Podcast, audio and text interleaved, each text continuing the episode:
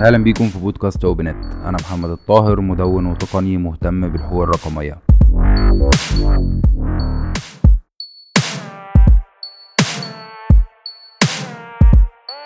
صباح الخير ومساء الخير عليكم على حسب ما أنتم بتسمعونا. أهلا بيكم في حلقة جديدة من بودكاست OpenNet. في واحدة من الحلقات السابقة اللي كنا بنتكلم فيها عن البرمجيات الحرة كنا أشرنا سريعا آه لورقة بحثية اسمها الكاتدرائية والبازار. ولأن الورقة دي واحدة من أهم الحاجات اللي اتكتبت آه عن بيئة تطوير لينوكس والبرمجيات الحرة. فاحنا كنا قلنا إن إحنا هنفرد لها حلقات خاصة نتكلم عنها. في الحلقة دي وفي الحلقات اللي جاية هنتكلم عن ورقة الكاتدرائية والبازار ونقدم آه قراية سريعة عليها بعيد عن التفاصيل التقنية اللي ممكن تكون موجودة فيها.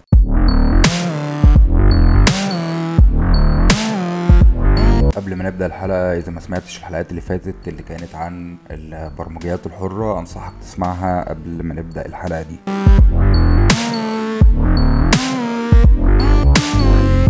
الكاتدرائية والبازار آه كتبها إريك ريموند سنة 96 ريموند واحد من المبرمجين المهمين اللي اشتغلوا على البرمجيات الحرة في وقت بدري جدا وكمان هو واحد من اللي صاغوا المبادئ الأساسية بتاعة مبادرة المصادر المفتوحة. إريك ريموند في الورقة بيركز على نمطين من أنماط تطوير البرمجيات. النمط الأول اللي سماه الكاتدرائية وده النمط اللي بيتم استخدامه آه في تطوير البرمجيات الغير حرة أو البرمجيات المغلقة. والنمط التاني هو نمط البازار وده النمط اللي بيستخدم أكتر في بيئة تطوير لينوكس وفي البرمجيات مفتوحة المصدر والبرمجيات الحرة بشكل عام. وبيبدأ إيريك ريموند آه ورقة الكاتدرائية والبازار بأنه بيحكي شوية تاريخيا عن هو كان بيعمل إيه. بدأ يقول إن هو من آه الثمانينات وهو كان منخرط في مجتمع البرمجيات الحرة وإنه كان بيقدم إسهامات في آه مؤسسة البرمجيات الحرة على وجه التحديد في مشروع GNU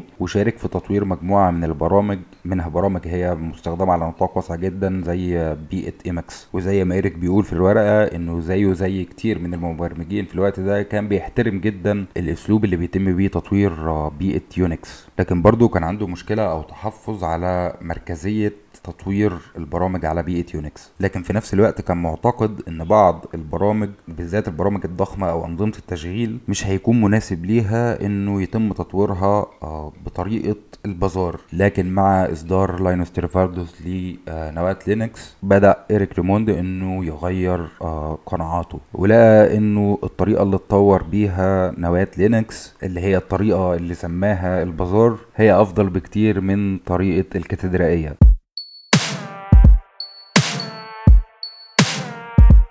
بعد كده بيبدأ إيريك ريموند في الورقة إنه يتكلم أكتر ويشرح إيه هي طريقة الكاتدرائية وإيه هي طريقة البازار. فبيبدأ بيحكي إنه في سنة 93 كان بيشتغل في شركة تقنية. في الفترة دي طبعا التطور ما كانش زي ما هو موجود دلوقتي فكان عنده مشكلة في البريد الإلكتروني. وعلى وجه التحديد في تطبيق عميل البريد الإلكتروني اللي هو كده حاجة شبه Outlook أو Thunderbird دلوقتي. فبدأ إنه يدور على عميل البريد الالكتروني يكون بيناسب احتياجاته.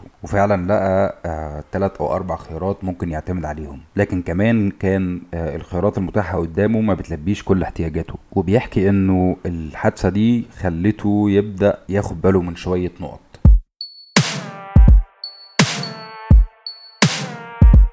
فكانت أول حاجة هي بديهية جدا إنه الحاجة ام الاختراع وإنه كل برنامج اتعمل هو بالأصل كان علشان يلبي احتياج لمبرمج أو مطور برمجيات معينة وإنه بعد كده بينتشر. النقطة التانية اللي لفتت نظره هو الفرق بين المبرمج الجيد والمبرمج العظيم. بيقول إيريك ريموند في الورقة إنه الفرق بين الاتنين إنه المبرمج الجيد هو اللي بيبقى عارف إيه الأكواد اللي بيكتبها لكن المبرمج العظيم هو المبرمج اللي بيكون عارف إيه الأكواد اللي محتاج محتاجة إعادة كتابة. وبيدلل على ده بطريقة لاينوس تورفالدس في كتابة النواة لينكس. فبيقول إن لاينوس ما بدأش يكتب لينكس من الصفر لكن اعتمد على الأفكار وعلى شفرات كانت موجودة بالأصل في نظام Minix.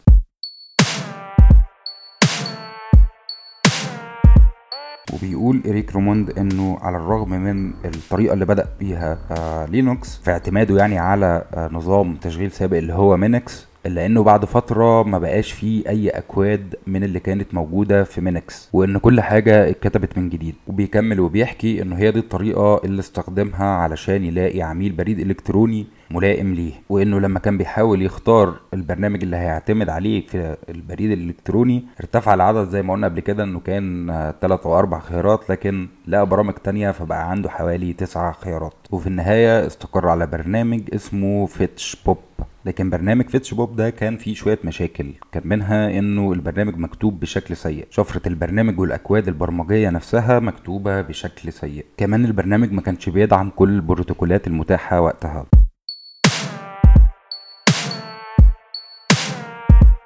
لكن إريك ريموند خد وقتها قرار إنه هيبدأ في تطوير برنامج Fetchpop علشان يبقى ملائم للاحتياجات بتاعته. لكن بعدها بشوية لقى برنامج تاني. البرنامج ده اسمه Popclient. وبيقول ريموند إنه برنامج Popclient كان أفضل بكتير من برنامج Fetchpop إلا إنه كان ناقصه كتير من المزايا اللي موجودة في Fetchpop. وبدأ هنا يسأل نفس السؤال هل يكمل تطوير في برنامج Fetchpop ولا يوقف تطوير برنامج Fetchpop ويشتغل على البرنامج الجديد اللي هو Popclient.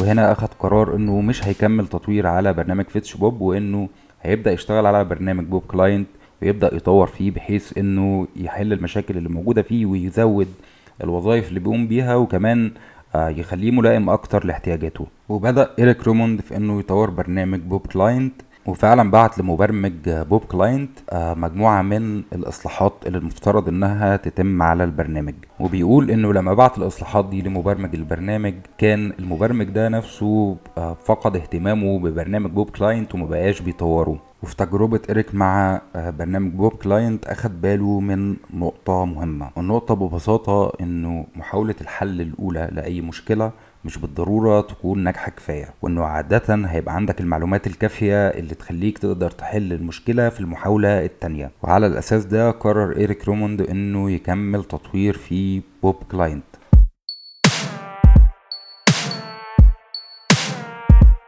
وتحول شغل إيريك ريموند على برنامج Popclient من مجرد إنه بيصلح شوية مشاكل فيه أو بيزود فيها شوية وظائف علشان تبقى ملائمة لاحتياجاته الشخصية لأنه يقرر إنه يبقى هو مسؤول عن صيانة وتطوير برنامج Popclient. وهنا بيقول إيريك ريموند إنه في حالة إن أنت كنت بتطور برنامج وفقدت الاهتمام بيه فانت مهم قبل ما آه تبدأ توقف تطوير البرنامج إنك تبحث عن شخص تاني يكون مهتم إنه يطور البرنامج ده.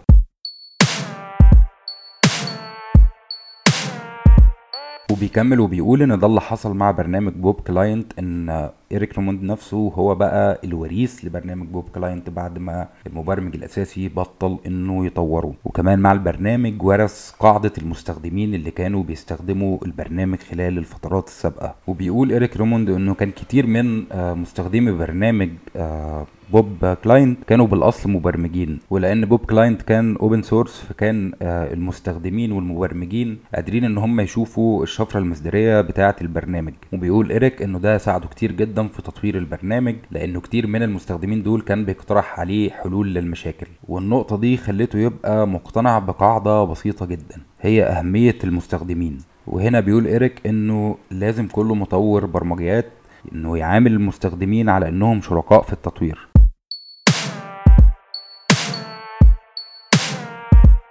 بكمل ايريك كلامه وبيحكي عن تجربة لينوكس. فبيقول إنه الشيء المهم اللي قدمه لاينوس تورفالدس مش إنه عمل النواة لينكس لكن المهم هو اختراع لاينوس لطريقة تطوير لينكس واللي هي مبنية على مشاركة المستخدمين والمبرمجين في تطوير النظام نفسه. وده كان بيخلي إنه إصدارات لينوكس كتير. في بعض الأحيان كان بتوصل إنه بيبقى في أكتر من تطوير في نفس اليوم. وهنا إيريك روموند بيشاور على مبدأ مهم جدا في تطوير البرمجيات.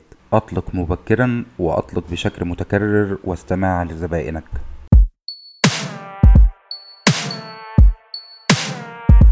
يعني ببساطة مش بالضرورة استنى علشان يكون البرنامج اللي أنا بطوره مستقر للغاية وبعدين أطلعه. لكن ينفع أطلع البرنامج في نسخ تجريبية وبالتالي الناس تقدر تبص عليه وتشوفه وتساعد في تحديد المشاكل اللي ممكن تكون موجودة في البرنامج وبالتالي يبقى منتج أو مطور البرنامج عنده إمكانية إنه ينزل نسخ معدلة بتحل المشاكل طول الوقت. وده معناه إنه المبرمج أو مطور البرنامج لازم يكون بيسمع كويس جدا للمستخدمين اللي بيتعاملوا مع البرنامج.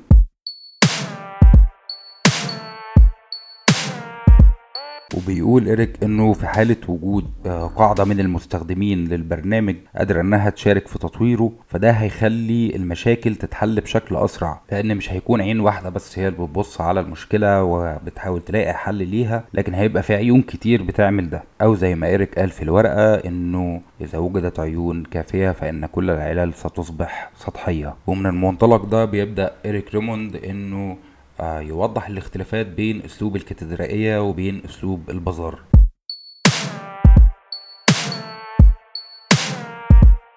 فبيوضح إنه في أسلوب الكاتدرائية غالبا آه، نظرة المبرمجين للعلل الموجودة في البرنامج إنها علل عميقة ومحتاجة وقت طويل علشان تتحل وإن عدد قليل من المبرمجين بيقعد يدرس المشكلة ويشوف الحلول المتاحة ليها وبعد كده ينزلوا نسخة من البرنامج ما فيهاش المشكلة دي. وحتى ممكن جدا بعد ما تنزل اصداره جديده يطلع إنه في مشاكل تانية أو المشكلة نفسها ما اتحلتش بشكل كامل.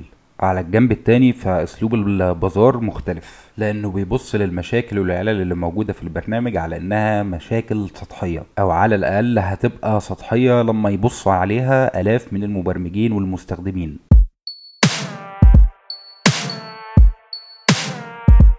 وعلى الأساس ده فنقطة من آه، نقاط القوة اللي موجودة في آه، أسلوب البازار هو تكرار وسرعة نزول نسخ من البرامج. وبالتالي هيكون في طول الوقت آه، نسخ بتصلح العلل الموجودة في البرنامج حتى لو كانت علل صغيرة. كمان بيأكد إيريك روموند في الورقة على مبدأ تاني مهم إنه كل ما بيزيد عدد مستخدمي البرنامج كل ما بتزيد العلل اللي بيتم اكتشافها. وإن لما يكون المستخدمين دول هم شركاء في التطوير فهيكون في فرصة لتشخيص العلل بخلفيات وافتراضات وأدوات مختلفة.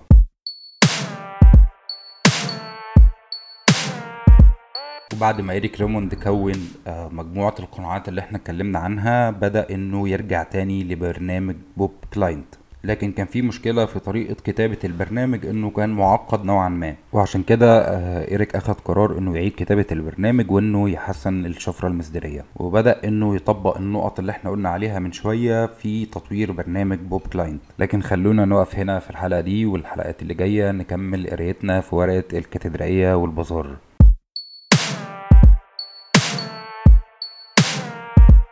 مبسوط جدا إنكم سمعتوني وأتمنى تسمعوني الحلقات اللي جاية.